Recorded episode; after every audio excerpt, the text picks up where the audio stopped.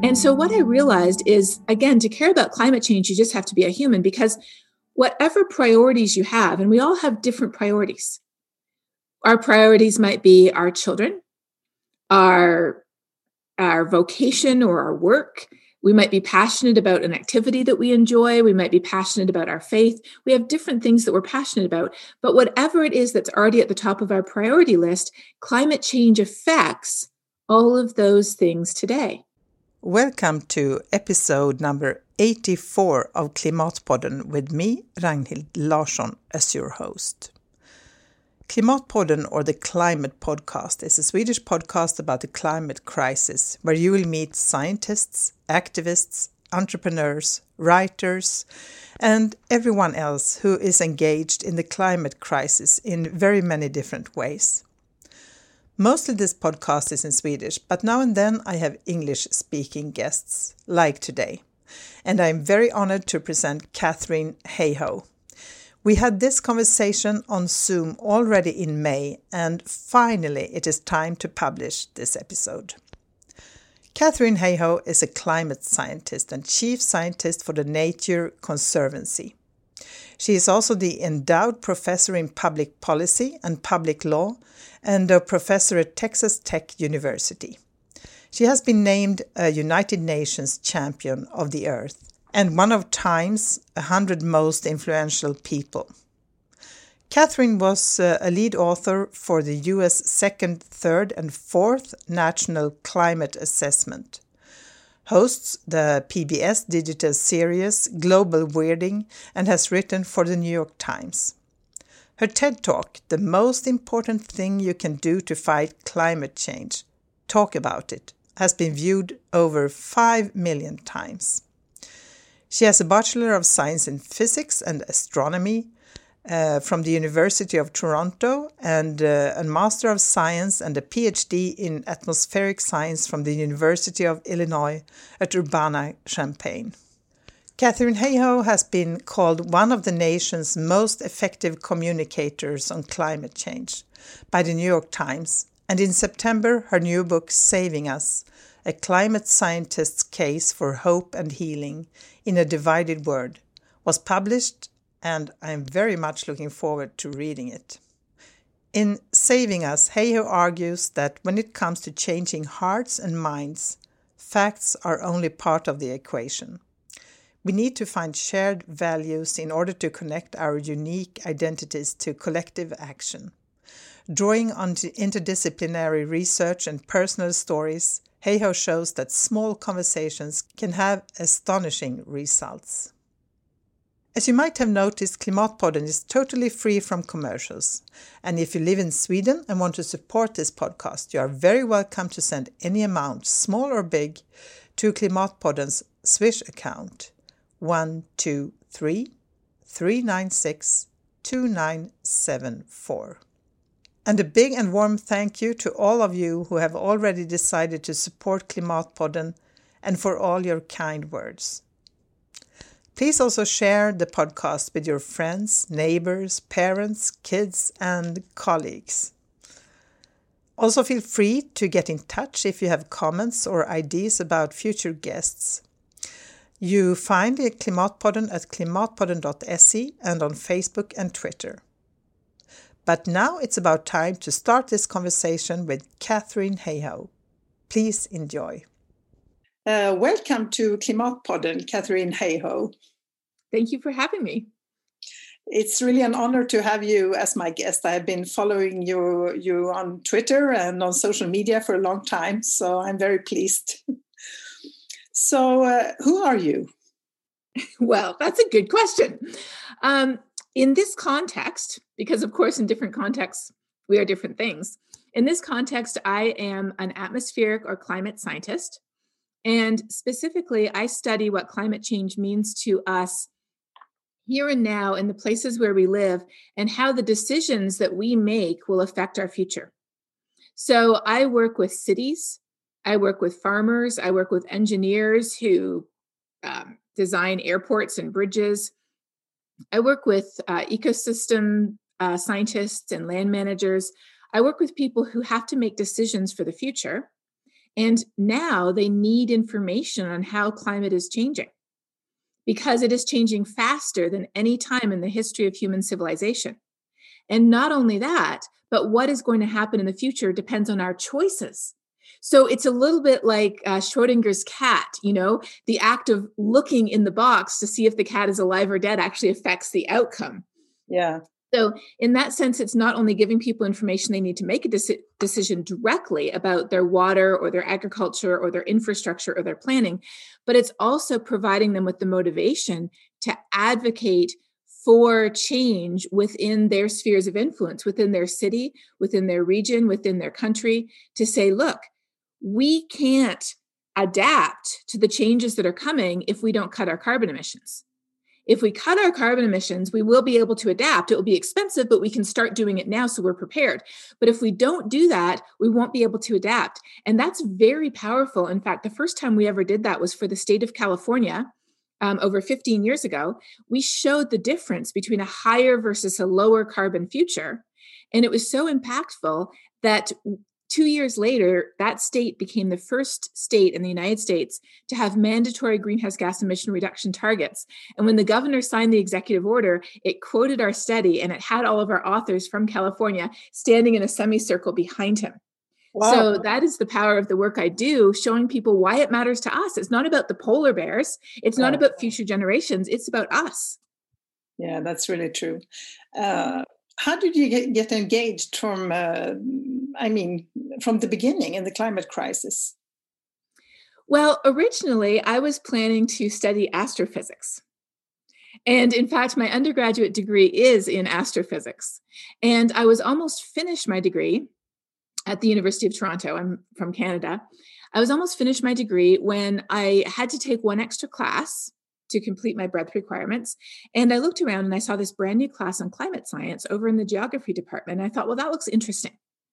Because I had grown up learning about climate change and I had sort of mentally lumped it with all of these other environmental issues.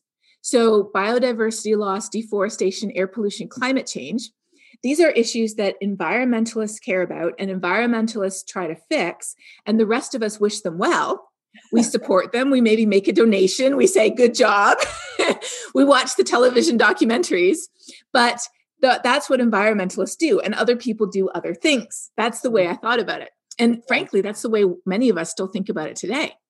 So i took this class and i was completely shocked to learn that climate change is an everything issue. So yes it's an environmental issue but climate change literally affects the water we drink and the food we eat. It affects the safety of our homes. It affects the economy. It affects our health. It affects everything else that we already care about to the point where to care about climate change, we only have to be one thing. And that one thing is not an environmentalist. That one thing is a human living on planet Earth. Yeah. And we are all. But what really changed my trajectory was not just the recognition that climate change was an everything issue, but the recognition that it's profoundly unfair.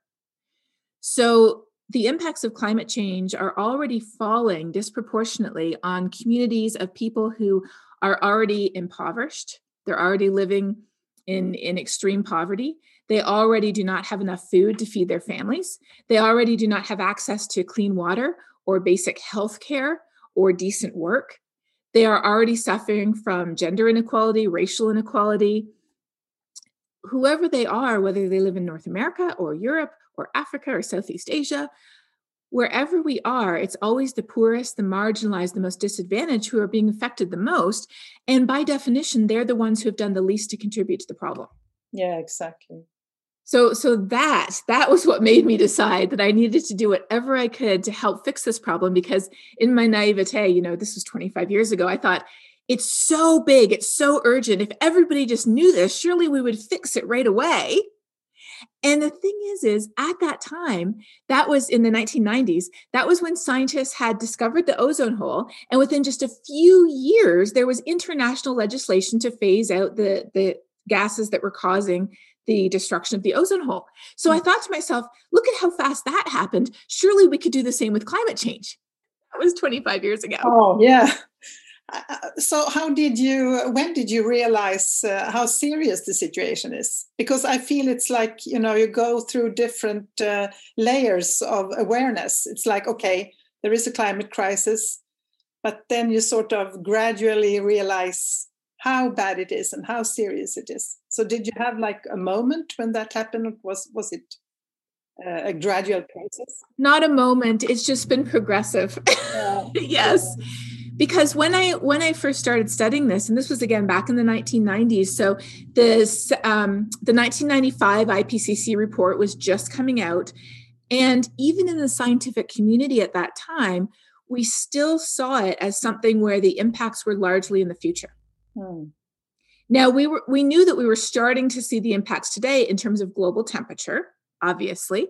We were starting to see the impacts in terms of stronger heat waves. There had been the 2003 European heat wave, and that was one of the first studies that had a definitive, what we scientists call an attribution study done, where they actually determined that the likelihood of the 2003 heat wave, which was responsible for 70,000 premature deaths across Europe, many of those in France.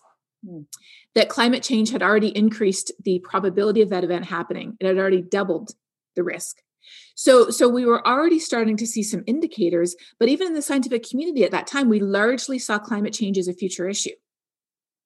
And we still, because of the success with the ozone hole, we still thought if we just tell people more clearly, if we just write a bigger report, and we do better presentations and we have better graphics and maybe some animations, maybe some videos. we still thought that information would change people's minds back in the 1990s. Yeah. And I think that what has made me more and more concerned over time is not only seeing that the impacts of climate change are here and now, but recognizing that the problem is not lack of scientific information. The problem is not lack of science education. The problems we have are number one, psychological distance. We, as in people, people still see climate change as distant and far off. And the second problem we have in rich countries is solution aversion. We think, and in fact, some people tell us even, that the only solutions to climate change are to take away everything to take away everything, to take away everything that gives us joy in life, to take away what we eat, to take away uh, what we do, to take away how we live, to take away ch- the fact that we should have children or not.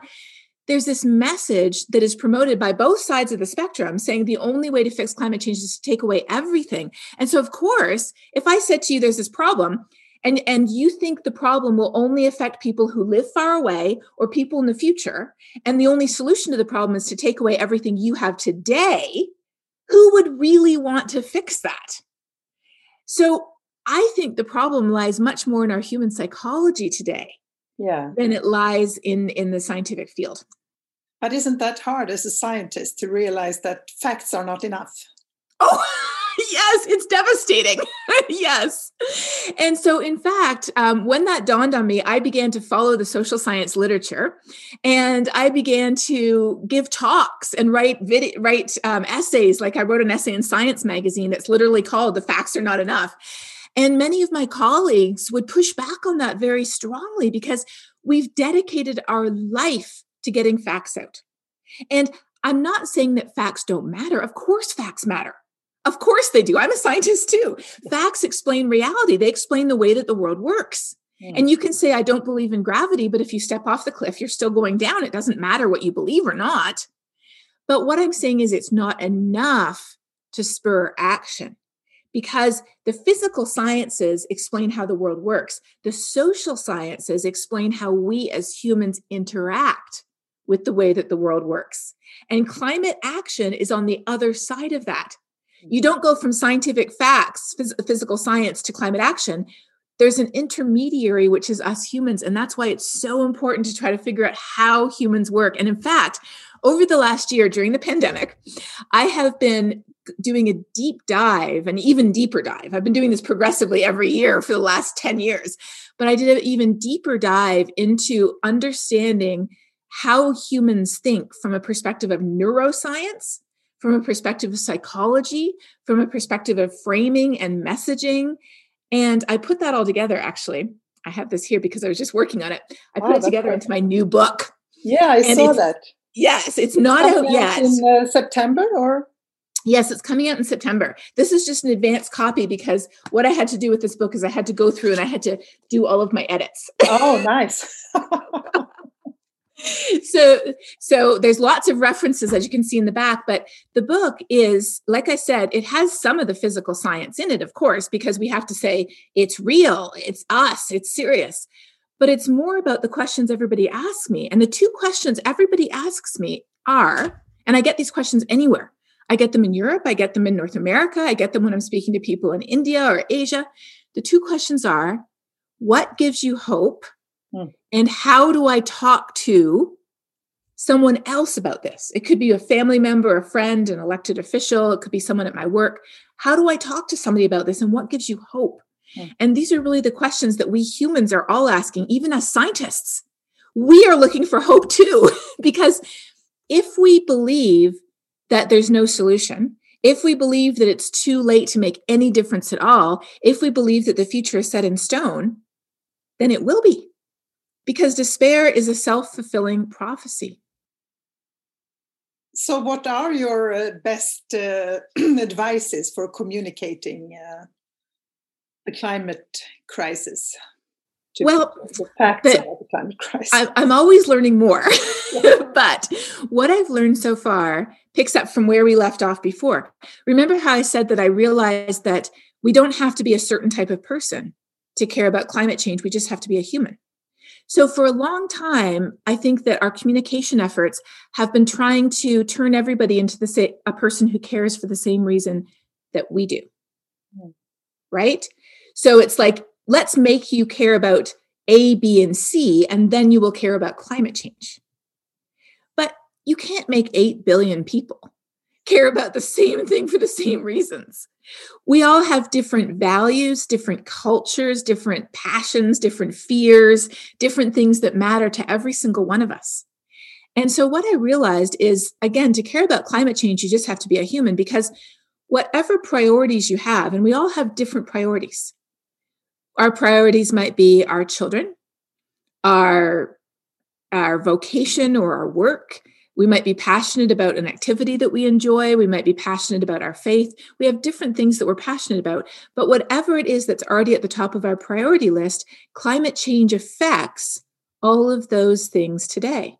So when we're talking to somebody and we want to convey that climate change is here and now and the time to act is today, because that's what we want to convey, rather than trying to overwhelm somebody with arguments about why they should care for the same reason we do, it's better to start by finding out what's already important to them, asking them questions, listening, li- hearing about their garden or their children or the fact that they love cooking or knitting or traveling or whatever it is that they love.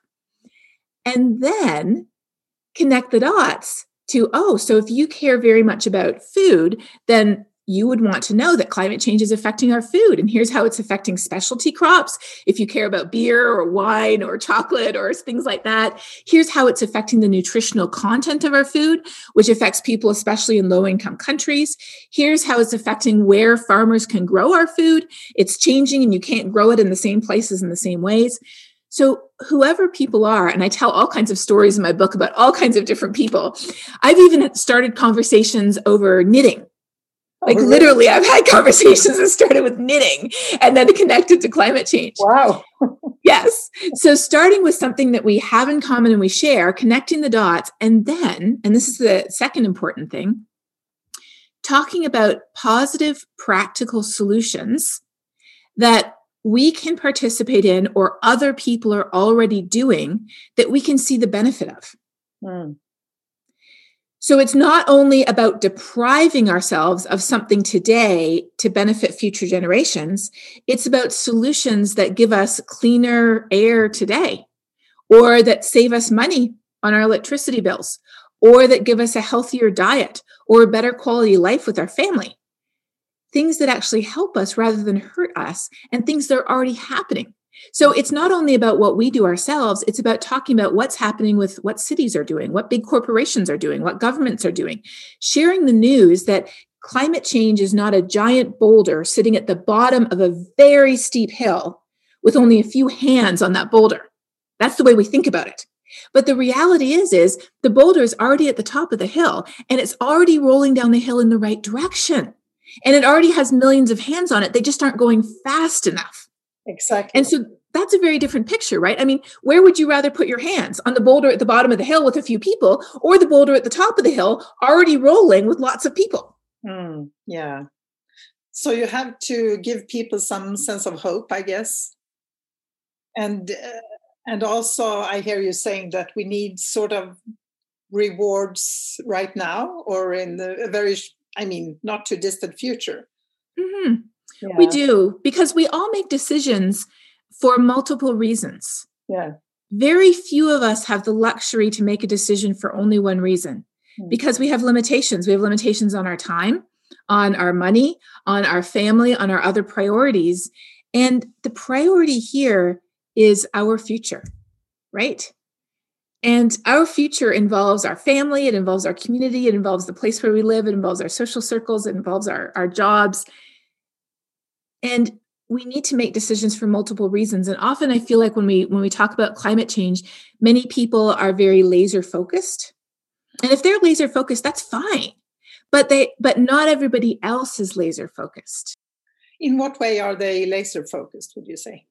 Well in that they they are able to and they believe everybody else should make decisions only looking at climate change long term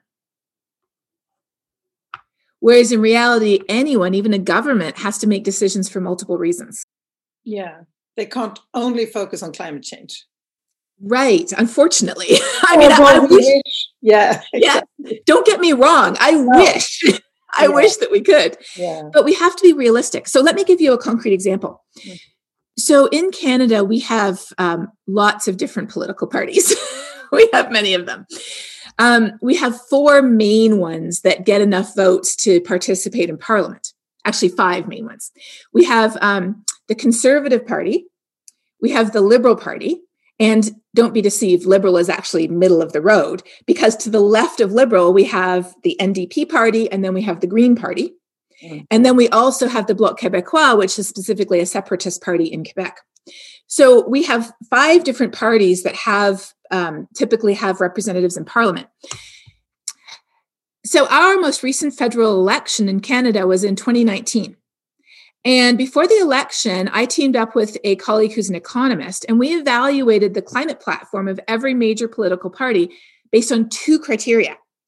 First of all, ambition, how ambitious was the plan to meet the Paris targets? And second of all, feasibility. Could what they propose actually be accomplished within the limitations of what the government of Canada can do? So, what we found was very interesting. The Green Party scored an A plus on ambition, as you would expect. Their goal was completely consistent with the, with the 1.5 degree target. But in terms of feasibility, they scored very low because they planned to accomplish that target through doing things that the federal government did not have the power to do. It required provincial governments to, to make some of these changes, and not every province is going to be on board with what the federal government says. In fact, there's some provinces that depend very heavily on the oil and gas industry, and they would not necessarily be on board with that. So, even though they were very ambitious, they didn't actually have a path to accomplish their ambition. And then the liberal government, which, as I said, is very middle of the road, being that there's two parties to the left of them, the liberal government scored a B in terms of ambition, but they scored an A in terms of feasibility because everything they laid out was something they could actually accomplish. That's so here's the thing yeah. many people criticized them. They said, you know, you're, you're not ambitious enough. You need to be more ambitious. And as a climate scientist, I would like them to get an A plus on ambition. That would be my preference. But if you say you're going to do something and you don't do it, I actually think that's worse than if you say you're going to do something and you do it. Mm. So that's the tension that we have in this world is that very often, even we as individuals and governments don't have the luxury of doing things for only one reason. They have to operate within the constraints of their constitutional powers, of their economics, of their resources. But of course, given that, there are many governments that are doing a lot less than they could. Yeah. Especially up until recently. So I don't mean to say that many governments are doing everything they can. Even in Canada, just this past year, they upped their climate target and they tried a lot harder. The way I look at it is I look at the Paris Agreement as a potluck dinner mm. where every country is allowed to say, I will bring something. I will bring a salad. I will bring a casserole. I will bring a vegetable dish. I will bring a dessert. I will bring some bread. And then they put it all on the table and they say, this is not enough to feed the world. So then every country has to go back and they have to look in their pantry. They have to look in their larder. They have to say, oh, okay, we have five cans of beans and another can of tomatoes. Maybe we could make some chili or some stew to bring. That's what every country needs to do. And now we're at the point where countries are starting to do that. They're starting to dig a little deeper and realize that maybe there is more that they could do that they didn't realize. Hmm. So I, am not saying in any way, shape, or form that countries are doing enough. But what I'm saying is we have to look at the short term benefits and the long term benefits. And today, with some of the short term benefits for countries, it's the green recovery from COVID. It's new jobs. It's spurring local economies. Clean energy is a huge job growth. Um, climate resilience is another way to grow jobs. And then there's just the simple fact that burning fossil fuels pollutes our air. And the latest estimates, a Harvard study that just came out this past year, found that on average, every single 9 million premature deaths from air pollution from burning fossil fuels alone. Mm. And look, compare that with COVID. We just recently passed 3 million deaths from COVID. And again, don't misunderstand, any premature death is a tragedy, anyone. Yeah, but look at all of the airtime that we devote to COVID. Look at all the attention that we pay to COVID. Look at how much everybody in the world knows about COVID.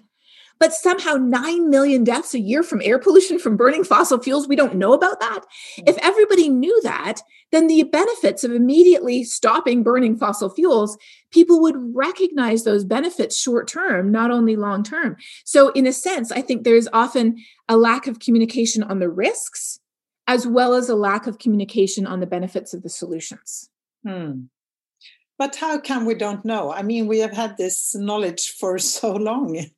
So, what do we? What more could we do to make people aware of the climate crisis and act on it? I mean, it's one thing to be aware and another to act. Yes. Well, that's why I truly believe the most important thing that each one of us can do as individuals is to use our voice to advocate for change and to communicate the risks. And communicate the risks not in terms of saying it's an existential threat, humans will become extinct in the future, there will be no more polar bears. That does not relate to my life here and now.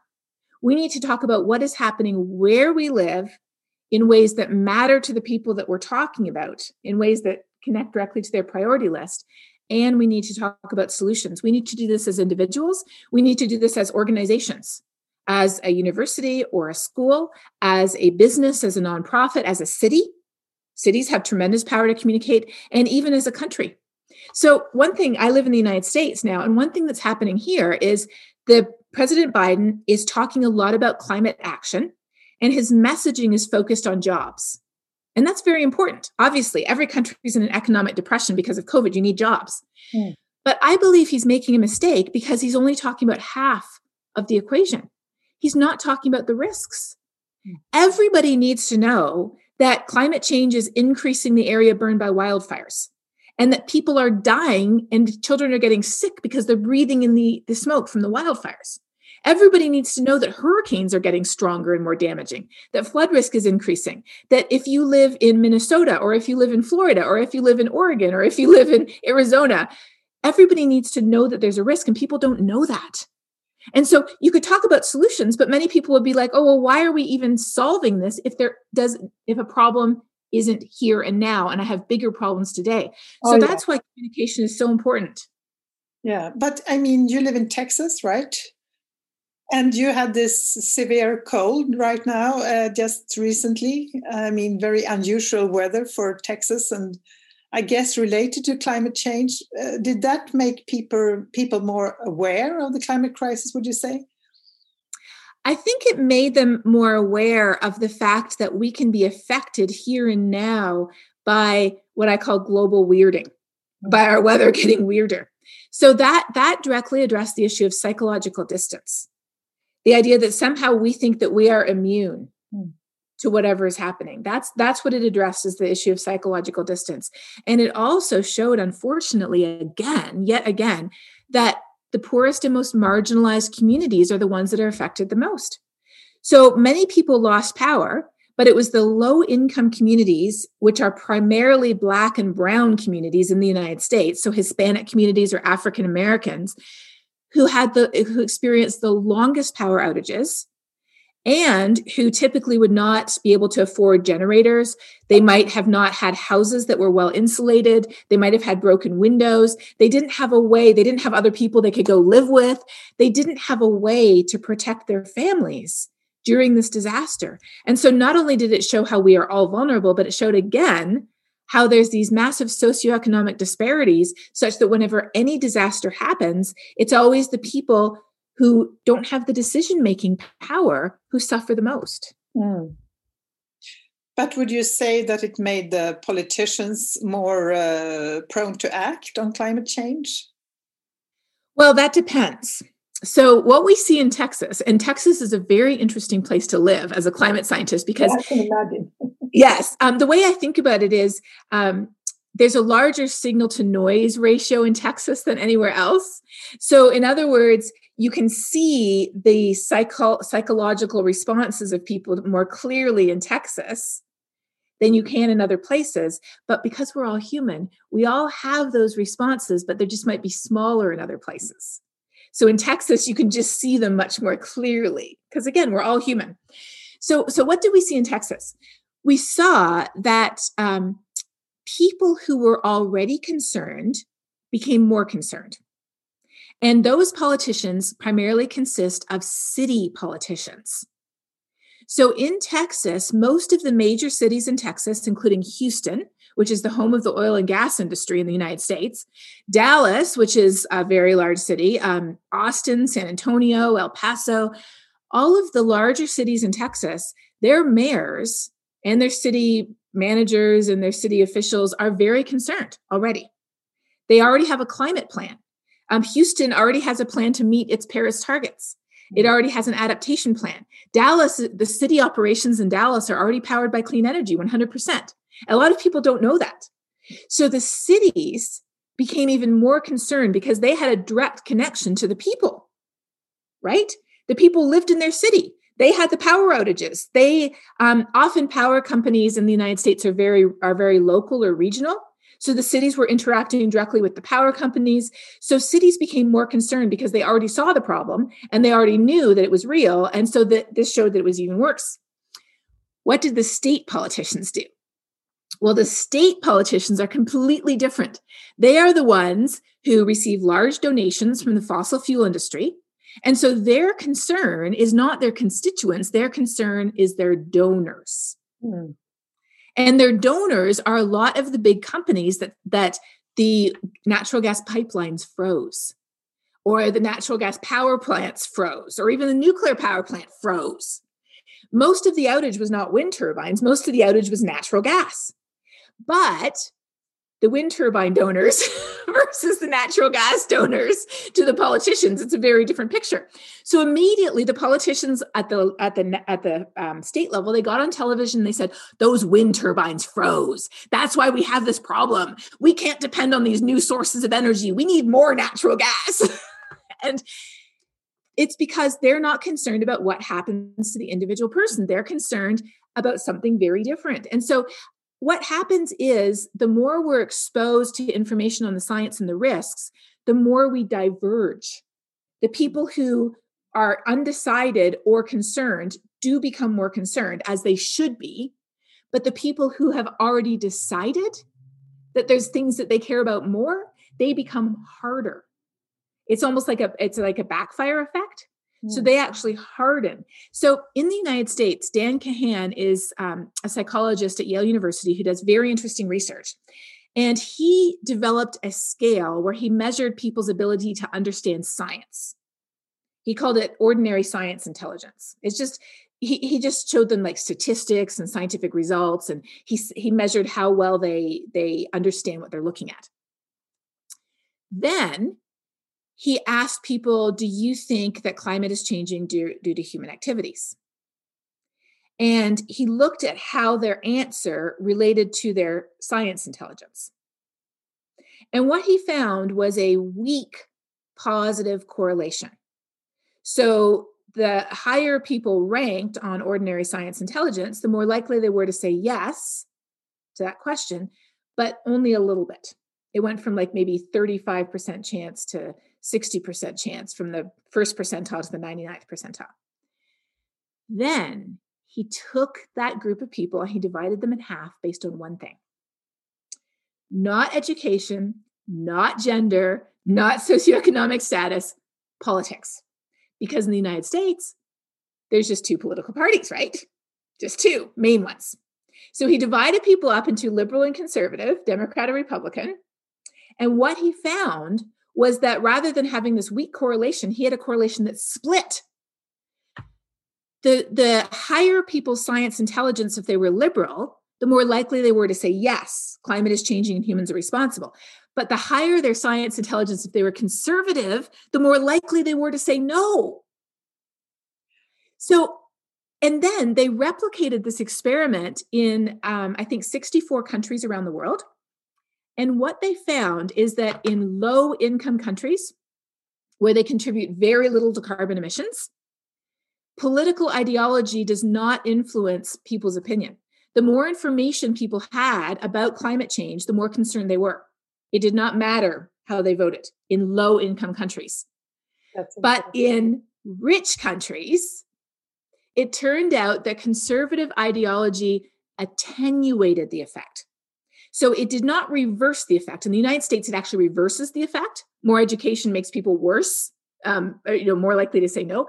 But in other countries, being conservative, so in other countries like Canada, Australia, the United Kingdom, the European Union, being more politically conservative made people a little bit more concerned about climate change when they heard more about it, but not much.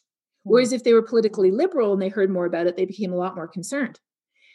So, isn't that fascinating? It shows again how we have the physical science, but then we have humans here, and then we have yeah. climate action here. And we have to go through humans to get to climate action. And we're not going to get to climate action if we assume everybody has to vote like we do, everybody has to be the same as we are, everybody has to care about it for the same reason we do. We're never going to get there. Hmm. But how, how do you explain that conservative people are more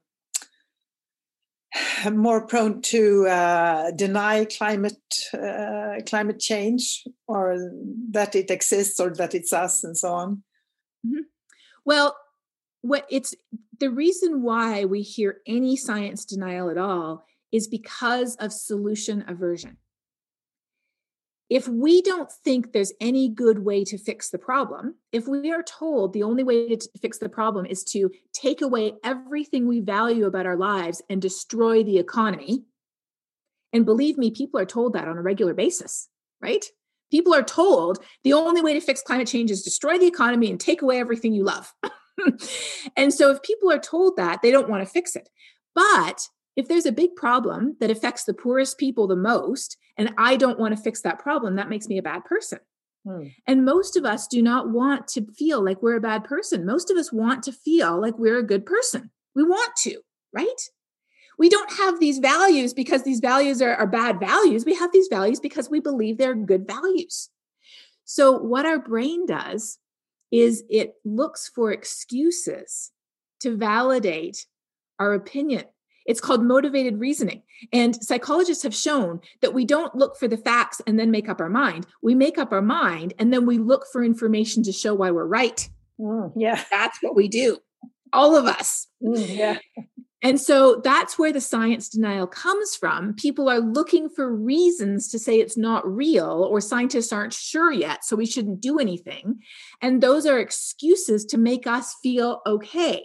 So here's the problem when we think that that's the issue, when we think that people don't understand that it isn't a natural cycle or it isn't volcanoes, then we are like Don Quixote tilting at windmills.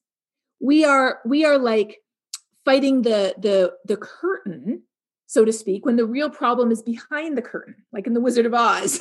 Mm. so that's why facts are not enough because that's not the problem. The problem is solution aversion. And that's why talking about the benefits of solutions in terms of cleaner air, jobs, a better quality life, healthier lifestyles, helping poor people, gender equality, socioeconomic equality, racial equality, whatever it is that people think is better, that's why talking about those benefits is so important. Um, let me give you just one example. And I actually tell this story in my book. So you're getting a preview here. Um, I have a colleague, John Cook, who's Australian, and his father rejected the science of climate change very strongly to the point where every time John went home for dinner, his father would have a new fact. John, did you know there's more polar bears now than there ever were? So, how can you say that the Arctic is melting? Or I heard that those scientists are just manipulating the data to make it look like it's warming, but it really isn't. So, what John did was he created a website called skepticalscience.com that lists 198 zombie arguments. It has short answers, medium answers, long answers. They have links to all of the science. John went back to school and got a PhD in cognitive psychology to understand climate denial. He has become the premier expert in the entire world on debunking information, on, on false information on climate change. Do you think that changed his father's mind? No. No, exactly. It did not. Unfortunately, not. no. So, but there's there's a happy ending to the story. So, a number of years after John started skeptical science and went back and got his degree, the Australian government had a very large rebate on solar panels in rural areas, including where John's father lived. So John mentioned this to his father. And now his father's identity, his values, the things at the top of his priority list, are being fiscally conservative. So conservative with his money, being very thrifty. You know, if somebody gives you something free, take it, right? And, and don't waste any money. So his father crunched the numbers and he realized that if he got these solar panels, he would be saving a lot of money. He wouldn't have to pay the electricity company anymore. So he got the solar panels to save money and he started saving even more money. And he was so pleased that every month, John said he would send him his electricity bill and he would say, Look, it's zero again. I'm not paying a cent. Look at how much money I've saved compared to last year. So, about a year later, they were sitting together again at a table and they were having a conversation. And out of nowhere, his father said to John, he said, Oh, of course, I've always thought global warming was real. And have I showed you my electricity bill for this month? And John said he almost fell off his chair because not only had his father changed his mind, but he had forgotten that he ever thought the opposite. He'd oh. forgotten. Oh. Why? Because his solar panels had become so integrated into his identity as a thrifty conservative person that it completely fixed his solution aversion. And the sciencey sounding arguments were just excuses for solution aversion. That's fantastic. Oh, great story. yes. I just feel like that one story tells the whole thing, doesn't it? I also hear this. I heard uh, Roger Hallam from Extinction Rebellion talking about activists. How do you attract new people? And he said, uh, well, you have to be aware that people show up at meetings because they want to, they are social beings and they want maybe to meet a partner, to have a new friend or whatever. Maybe they care a little bit about the climate as well, but I mean, it's not the only reason, at least. And all the, all the data that you show people, and uh, yeah, you feel that, I mean, you give a talk and uh, if I tell them the facts, they will realize how bad it is. But uh, I don't think it works very well at all. No, well, it it it, it does help because if they don't know there's a problem, they need to know there's a problem. Yeah, that's true. But it has to be facts that are relevant to us, not facts about the Arctic or Antarctica or things that we don't care about. Oh. Um, but I'm so glad to, to um, that you said Roger shared that because it's totally true. So, just to put it a different way, what do we all want?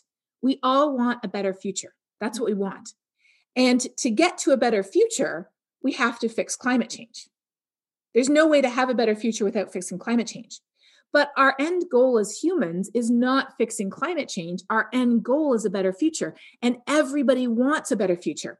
It's just that some people haven't realized that we have to fix climate change to get there. Mm. Right? So it's not about getting everybody fixated on fixing climate change. It's getting everybody to realize that if you want a better future, it goes through fixing climate change. Mm. That makes sense? Yeah, it does. And I guess we talked too little about uh, what the future will hold because I think our imagination, we can't, we can only imagine, we have a hard time to imagine what uh, the uh, a sustainable society could look like. Uh, it's like as we as if we are stuck in this society and we can't sort of i mean i wish we had politicians who could talk about more about visions. I don't think they do, at least not in Sweden. And also in the climate movement, I think that uh, too few people talk about what we could expect and what we want. And if we have no direction, I mean, how should we know how to get there? It's really hard. It's it's as you say, we only know what to stop. We need to stop doing this. We have need to stop burning fossil fuel. But yeah. I, I'm so glad you brought that up because I completely agree with you. So we are running from an apocalypse right? That's what we're doing and that's yeah. what all our messaging is about is about warning of the dangers. So of course we need to know there are dangers. That's but that's only half the equation. As you said what are we running towards because if you're only running away from something that's not the same as running towards a better future. So in equal measure we need people to provide that vision of what the better future would look like. So we are not only running away from something we are running to something hmm. that we are excited about and that we are hopeful about. It's the difference between running down a dark tunnel with something chasing us but there's no light at the end of the tunnel all we're doing is just running into the dark, running away from whatever is chasing us.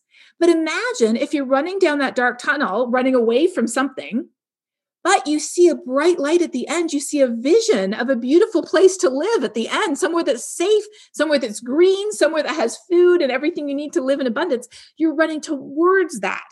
That's mm. the other half of the equation. And you know what?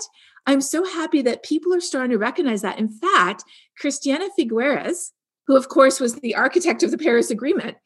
Last year, she wrote a wonderful book that I recommend to everybody. It's a very short book, it's very easy to read. It's called The Future We Choose Surviving the Climate Crisis. And it's all about picture the world. She's like, imagine a world that would look like this and this and this, and your life would look like this and this and this. And you read this book and you're like, yes, I want this world. And so her point is, again, that we spend so much time talking about what we're running away from, we don't spend nearly enough time talking about what we're running towards.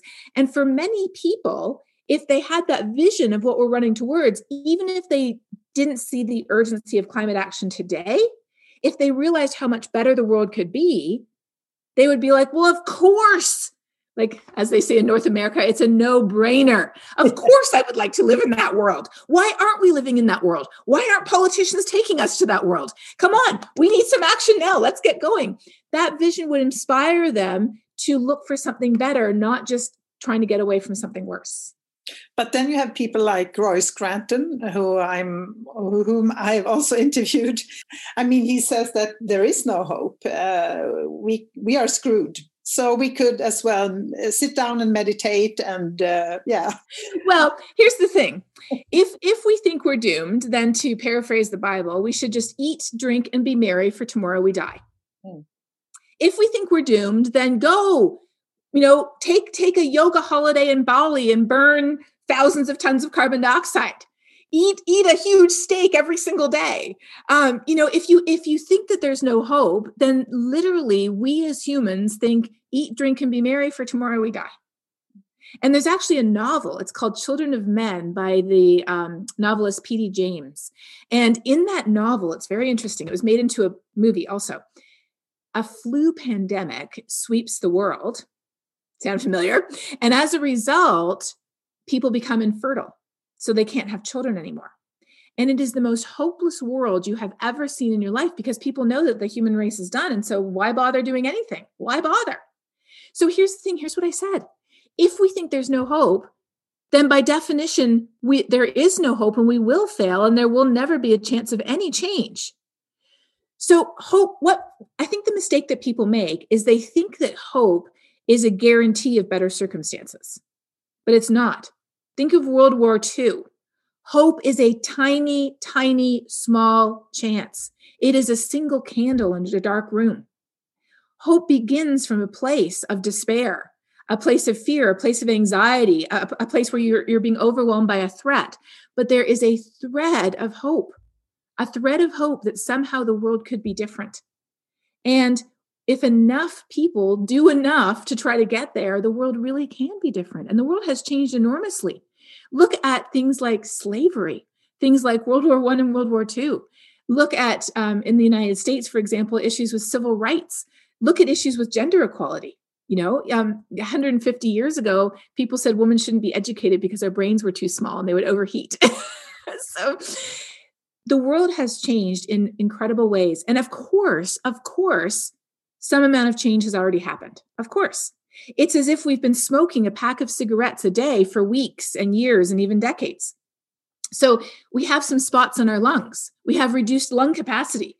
We can no longer compete in the Olympics because of all the smoking that we've done. But we do not have emphysema, we do not have lung cancer, and we are not dead. So that's, I think, where people make a mistake. They say, oh, we have some spots on our lungs, we have reduced lung capacity, we have asthma, so it's all over. It's too late. Well, unfortunately, it is too late to have 100% healthy lungs, but it's not too late. We're not dead yet. We don't have lung cancer. And I actually study the difference between a higher versus a lower carbon future. I study this. And for many places, whether we are looking at corn, uh, corn farming in Iowa, whether we are looking at flooding in cities, whether we are looking at um, you know, agriculture in Uzbekistan or water supply in Africa, in many places around the world, the difference between a higher versus a lower carbon future is the difference between extensive adaptation but maintenance of our human systems. We still have cities we still have water we still have agriculture we still have an economy versus the end of civilization as we know it that's the difference between a higher versus a lower carbon future. We can't wave a magic wand and go back to the way we were 100 years ago. Some impacts are already here today, and some are inevitable because of what we've already done. Hmm. But it is only too late. And this is actually a quote from Christiana Figueres in her book. She says, It is only too late if we decide it is. Yeah, that's really, really important, I think but but I also feel that a lot of people are, don't know what to do. They are aware of the climate crisis. They want to do something, but they feel very. I mean, they feel a lot of anxiety, and they have sort of uh, done everything you can do on an individual level, and especially in Sweden, I think we are very. Uh, uh, we are a very individualized society, and we are also used to uh, to let the politicians fix everything. I mean, you vote every third year, and then that's enough. Uh, so I think that um, people need tools. They want to. Uh, they want to act. I mean, not everyone, but uh, quite a few people. I I feel really want to do something, and they are worried. Yes. Well, no, I understand because we often have that feeling in Canada too that the government's going to fix it. That's their job. Yeah. so after we've taken individual action, unfortunately, we know that individual action isn't enough. Exactly. It just isn't. The math just doesn't add up. That's where we need to come together. Hmm. And it turns out that, of course, we humans, we are social people, like you said. We are people who live in community. And so the next thing we can do is come together. Come together with other like minded people who share the same values. We might come together because we are all neighbors, or we are all parents, or we all work at the same place or we all share a common interest we all ski or, or we all we all fish or we all live on the coast. Come together with others or look for organizations or groups that already exist and become part of those so you can become part of a bigger solution.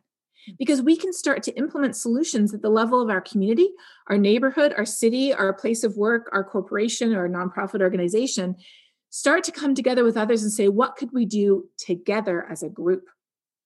And it's very interesting because I told you I've been doing a deep dive into the social science, and they've looked at how change happens. And they say change happens through social networks where you have individuals, and then individuals get together with other individuals to form smaller groups. And then those smaller groups kind of get together with other to form larger groups. And those networks start building. And that's how social change happens. It happens as part of our society.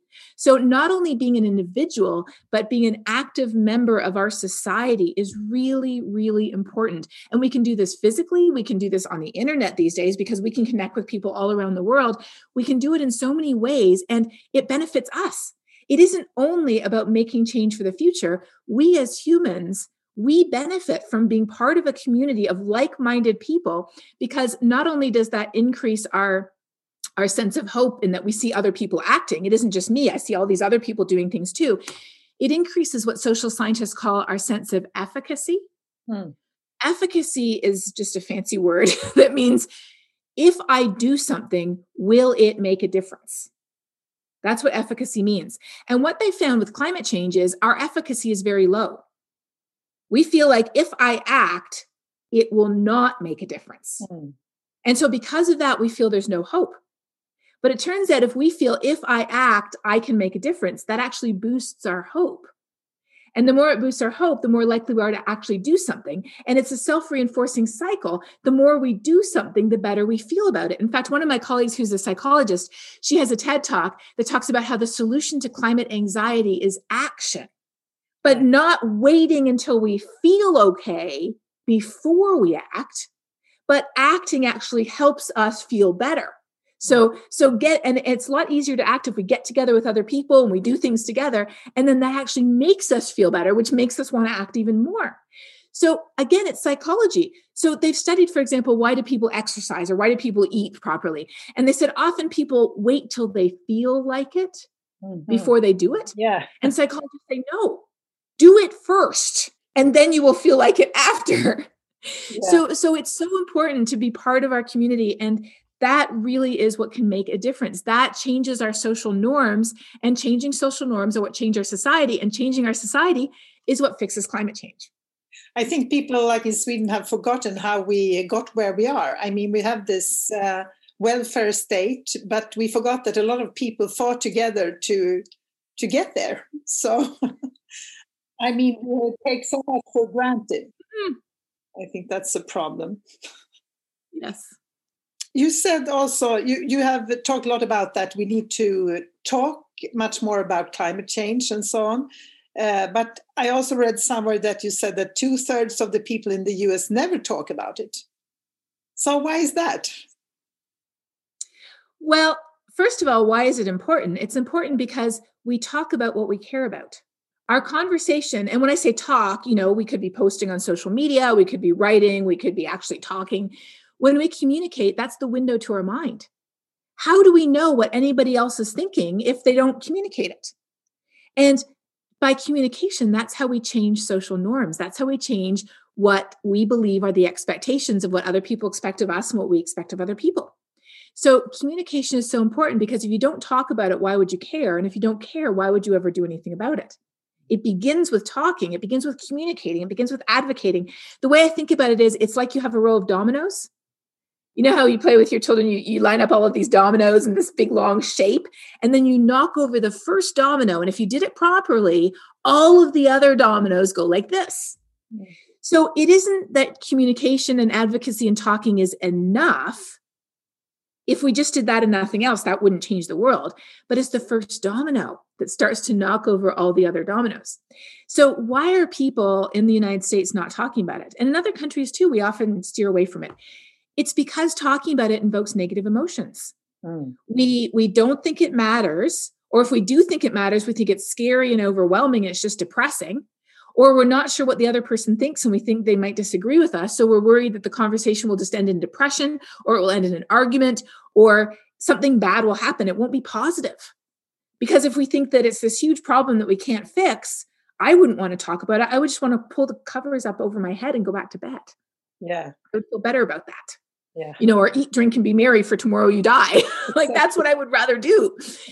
So that's why when we have these conversations, we need to know how it affects us in ways that matter to us. And I just helped to start a new initiative a few months ago called Science Mom. Yeah, I read about it. Yeah.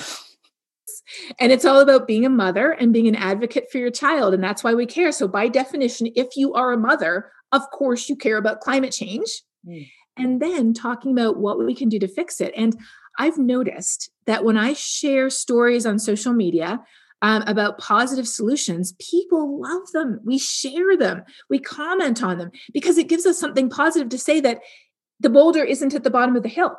The boulder is actually up here and it's going downhill in the right direction. And it's like you think, oh my goodness, if, if big corporations like Unilever and Microsoft and Apple are on board, that's great. Maybe people can make a difference. Because, of course, why are they on board? Because individuals in the corporation said we need to do something, right? And it, we can talk about little things that are happening in our community um, or things that are happening where we live like where i live we get 22% of our electricity from wind energy across the whole state of texas that's you know that's a positive thing yeah. we um, we have um, the biggest um, you know the united states has a lot of army bases and they have the biggest army base by land area in texas and it is 45% powered by wind and solar energy and it's saving taxpayers millions of dollars. And so when I tell people that in Texas, they're like, oh, we're saving money. Everybody likes that. Yeah. We're using energy from Texas. Everybody likes that. We're helping the military. Everybody in Texas likes that. So you're telling stories of things that appeal to the people you're talking to. And, and that actually increases our efficacy again. Right? because we see that individual people can actually make a difference. And the biggest difference we can make, and this is actually a quote from Bill McKibben. Bill McKibben is a famous environmentalist and famous writer in the United States. And he said something to me just the other day, which I thought was so brilliant. He said, The most important thing an individual can do right now, and bear in mind, Bill has been at the forefront of climate action for decades getting arrested, getting chain defenses, founding 350.org, um, helping kickstart the fossil fuel divestment movement to encourage com- countries and companies and organizations to divest from fossil fuels. He said the most important thing an individual can do right now is not be such an individual. Mm. But isn't there a risk if you like post on social media very positive news about what's happening? I mean, they could be true. They are true, of course. Uh, so it's not greenwashing, but isn't there a risk that you sort of lean back and say that, okay, everything will be all right. I don't need to do anything myself. Well, what I do is I, again, that's only half the equation. Yeah. The other half of the equation is the risks are here and they're serious, and we don't have enough hands on the boulder yet. Hmm. So in my communication, both in person and online, I always try to balance the both both of them. And I have to say, to be totally honest, if you look at most communication on climate change, it is 90% here and 10% here. Yeah, 90% so, negative. Yeah. 90% negative. So the risk that you that you said is one that people often bring up because we're conditioned to do this. And people think if we do anything over here, that that's too much but no, trust me, we have not done enough over here. We have not talked about that better future enough. We have not talked about the future we choose that Christiana Figueres talks about in her book. We have not talked about that enough. We need to talk about that more. It really has to be 50 50. We need to know what we're running away from, but we need to know what we're running to. Hmm. And we don't know enough about that yet. That's true. So, what do you say about the phenomenon Greta Thunberg, the Swedish girl who sat out, started to sit outside the parliament uh, alone uh, two years ago, and now it's a big movement. Of course, it's been uh, uh a bit more quiet now because of COVID, the pandemic, but still. Well, I think she's the perfect example of what I've been talking about. So if you if you read about her, she shares very openly how she was so anxious about climate change because she was overwhelmed with all of the very real things. You don't have to make anything up. The more you know, the worse it is. I mean, as a scientist, I have things that keep me up at night. of, the, of things I know that I feel like we're not talking about. So it is bad. It is very bad. And she was very anxious. And so, of course, you know, she convinced her family to stop flying. She convinced her family to reduce their carbon footprint, um, plant based diet, all of the individual actions we can do. But here's the thing if they, if she had stopped there, nobody would know her name. Right? She did one more thing. She took a piece of white cardboard She painted a few words on it, which are in Swedish. What are they? Uh, Skolstrejk för klimatet, school strike for the climate. exactly. Yeah. And so, so that was using her voice. That's what I'm talking about. She used her voice and she took that piece of cardboard and she went and she sat outside a building. And because she used her voice, that's why everybody knows her name and that's why she has been such a powerful force for change and i love i love the title of her book no one is too small to make a difference because yeah. that is exactly right how did she as an individual make a change by using her voice to advocate for change, for changing our social norms, changing what we think is acceptable in the world. That's how she is making a difference. And that's how every single one of us can make a difference. We might not be Greta, we might not be, you know, speaking at Davos or, or, or doing BBC specials, but every single one of us exists within a sphere of connection to other people, unless we are literally a hermit living in the forest Hmm. That is the only person who does not have that sphere, a hermit in the forest with no internet. Hmm. Everybody else has a sphere of people that we are connected to. And by connecting to other people and for advocating for change within our sphere, that is how we change the world. Hmm. Yeah, I agree. I mean, I know so many people who uh, have had a lot of anxiety, just like Greta, and uh, who have joined the climate movement and uh, feel so much better because, yeah, you do it together. Yes. You meet a lot of great people as well. yes. We encourage people. Again, we are not, as humans, we are not people who survive as individuals. We survive with other people, with mm. other like minded people. And so we can share our burdens with them, but we can also share what we love, what we're passionate about, what we hope for. Mm. So it really does make a difference. So the TED talk that I did, that I referred to, was by my colleague Renee Lertzman. Yeah, I've interviewed her, in fact, uh, Oh, okay. Yeah. Well, there you go. so if you're listening to this, you should go listen to the podcast with Renee Lertzman yeah. afterwards. And and her TED talk is literally called How to Turn Climate Anxiety into Action. Yeah. It's yeah, it's really important, I think. I mean, on so many levels. I would like to ask you what is it that drives you, that uh, keeps you doing this day after day? That's a good question, um, and and that's something that each of us has to make sure that we stop to refill our refill our energy, so to speak. Because often when we see something as big and as overwhelming as climate change, often we throw ourselves into it so completely and so absolutely that we get drained to the point where we have no resources left to give.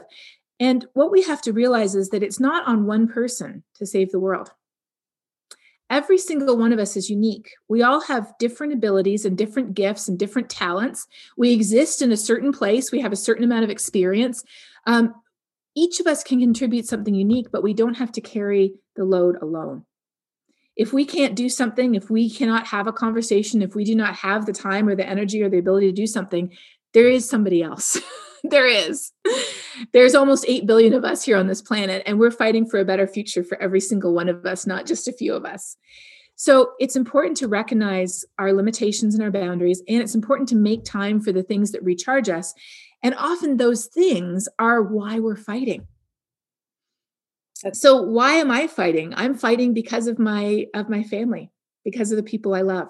So I make time all the time to spend time with the people I love but making time to just play with my son, making time to just spend time with the family, making time to do things that have nothing to do with climate.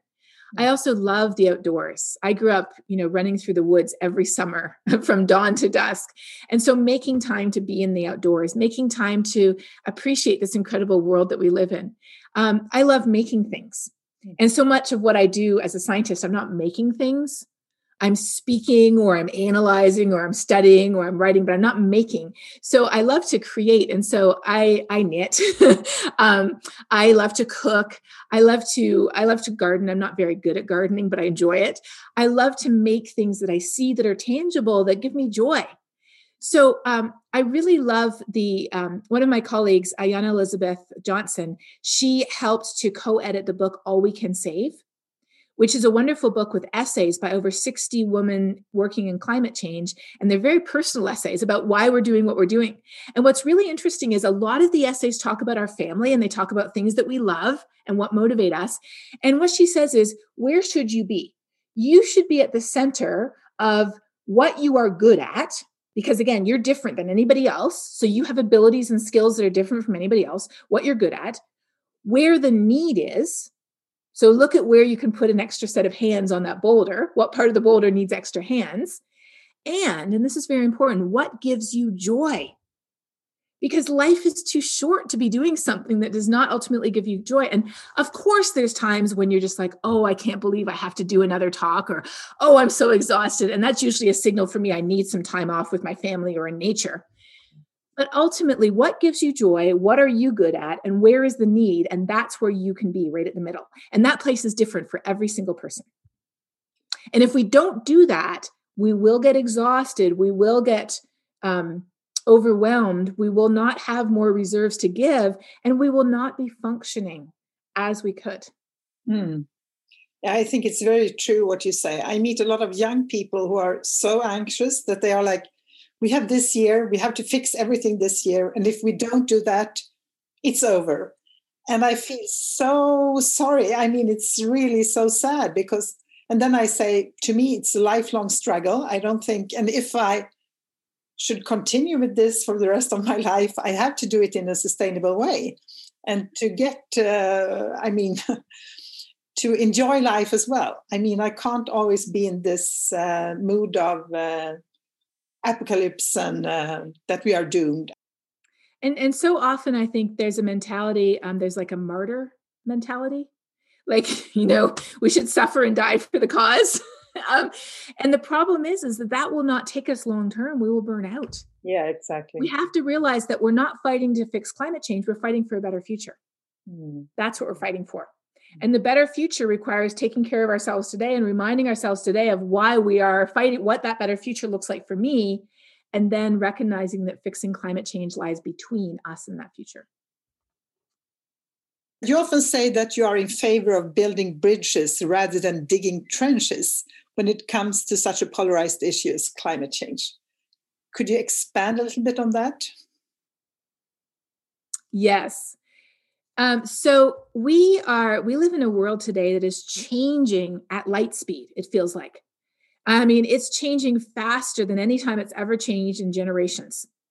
I mean, the only analog I can think of is um, when my great grandparents got married. I have a picture of them when they got married, sitting in a horse and buggy, and then I have a picture of them with their first two children. So just a few years later, sitting in a giant motor car. and so the world had changed very quickly then with electricity, with cars, with things like that. But today, the world is changing even faster because the internet has connected our minds around the world. The internet has fragmented our social communities. You know, they've studied how the human brain is really only built to function within a community of so many people. And then now we're functioning within a community of 8 billion people. And we're not even made to cope with all of the changes that are happening in our world. And so, because of that, because of the speed of change, we are starting to fragment into smaller and smaller groups, into tribalism, as they call it. And how we're doing that is we are focusing on things that we have in common with other people that exclude others so sometimes it can be um, you know it can be healthy you know if you're focusing on we're concerned about climate and so you have the the the children's climate strikes all around the whole world they're all focusing together and they feel like they're part of a bigger community. Um, but sometimes you you focus more on things that are dividing us because oh well those people think this and i don't agree with that one thing. So they are over there and we are over here because we disagree on this one thing and so what happens is as these trenches get deeper and deeper, and as we dig more and more of them dividing each other from dividing us from each other, what happens is, and this is actually a report that came out this past year called uh, uh, from an organization called Beyond Conflict. It talks about how we start to see people who disagree with us as not even human, as the enemy, um, as not even worth respecting or listening to and that's where we see all of the rise of you know racial tensions all of the rise of nationalism because some of the big lines that people draw are nationalistic lines. You know i'm in this country and you're in this country and we might even speak the same language but we're in a different country so they're the enemy and we're part of you know. And then even within a country they draw lines well i care about our country and you don't care about our country because you think this so i'm the true patriot and you're not. So because we're seeing all of this tribalism unfortunately climate change is falling right into these trenches because to to solve climate change we have to come together rather than going apart. We will only solve it if we come together if we focus on what unites us rather than what divides us. If we focus on how as humans we all have the same dna we all want the same better future. It might look a little different but it all for every single one of us that future is safer it is cleaner it is healthier it is more enjoyable we all want those same things and if we focus on what divides us rather than what unites us that is actually anathema to positive climate action and also it's anathema to solving any other problem like socioeconomic inequality and poverty, like uh, racial and gender equality. All of these problems are dividing us more and more and more by the color of our skin, by our gender, by our income, by the places where we live, by the things that we enjoy doing or don't enjoy doing, by the resources that we have or we don't have, by the things that we're worried about or we don't worry about, by the things that we believe or the things that we don't believe. And so I truly believe that um, our lack of climate action is a symptom. It's a symptom of a deeper problem. And that deeper problem is the fragmentation and the tribalization and the division that's occurring at a moment in human history when more than any time in the history of human civilization, we need to be coming together rather than moving apart. Yeah. yeah. I mean, but how do you solve this? It's it's so obvious. I mean, in the politics and the media and uh, that we are so polarized we we solve it by one person at a time building bridges mm. you can't wave a magic wand um, you know divisions don't happen by waving a magic wand and, and, and uniting people doesn't happen but it happens with what the first domino having conversations, connecting with other people, talking about what matters to you and finding out what matters to them. And you know what? When you have a conversation with somebody, even somebody you think you disagree with, if you have a conversation where you're genuinely asking them questions and genuinely listening to what they say, most times, not always, but most times, nine times out of 10, you can find more that you agree with them on than you thought. Hmm. Yeah, good advice.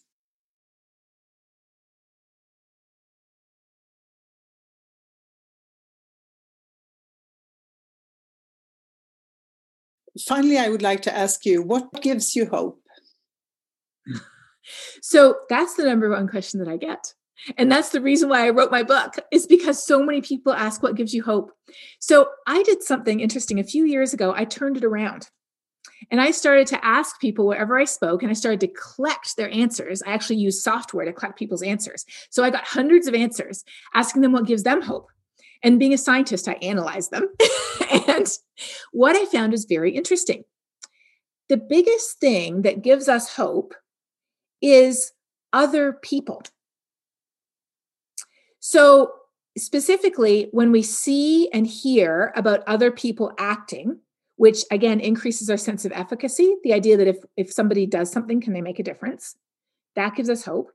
Another big part of what gives us hope is the next generation people would sometimes say my children or my grandchildren or the young people or the children who are doing the climate strikes.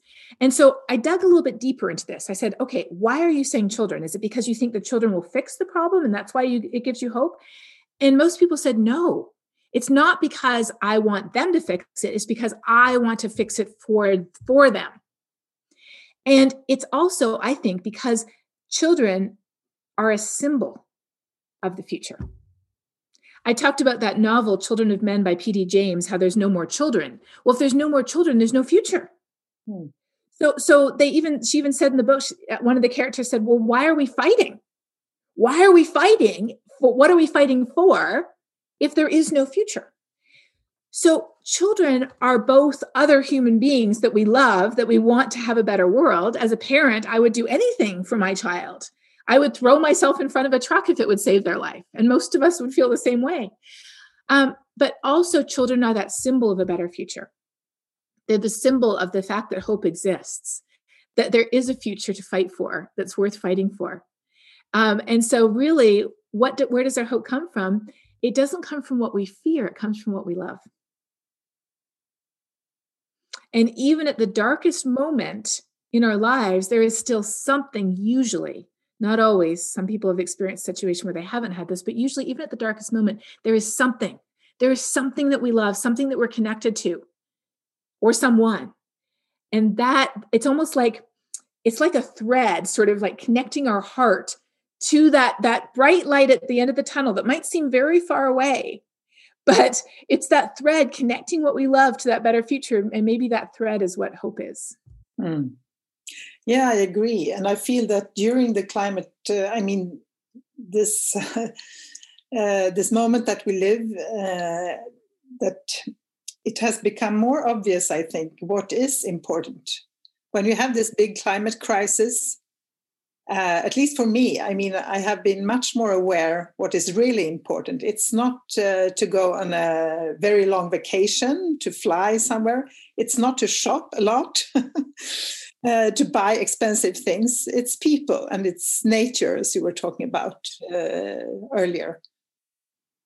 So I think, in a way, it has made me more um, content about the life I live because I value small stuff much more. I mean, everyday life.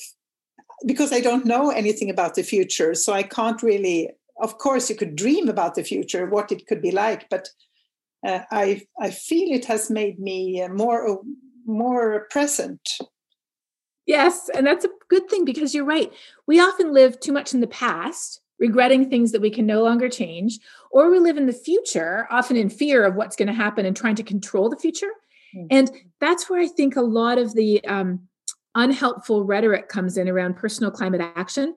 We're afraid of the future. So we try to control ourselves and we try to control other people by waving a judgy finger at them and saying, You shouldn't do that. I can't believe you had a child. Don't you know? You shouldn't be having a child. Well, that doesn't make somebody not want to have a child. It just makes them not want to see you again. Mm. and it actually makes them more less likely to want to do anything.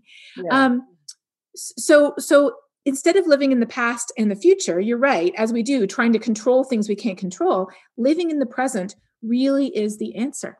Appreciating what we have, truly, um, being um, being uh, good a good steward of our resources that we've been given, that we're fortunate enough to have, and focusing again on what we love, because that really is the the guide to the future.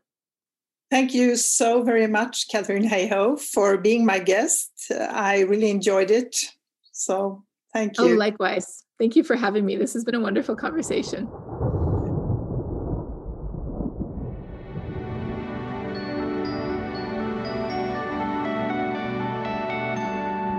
You have listened to Klimatpodden, a Swedish podcast about the climate crisis, produced by Convoy Produktion.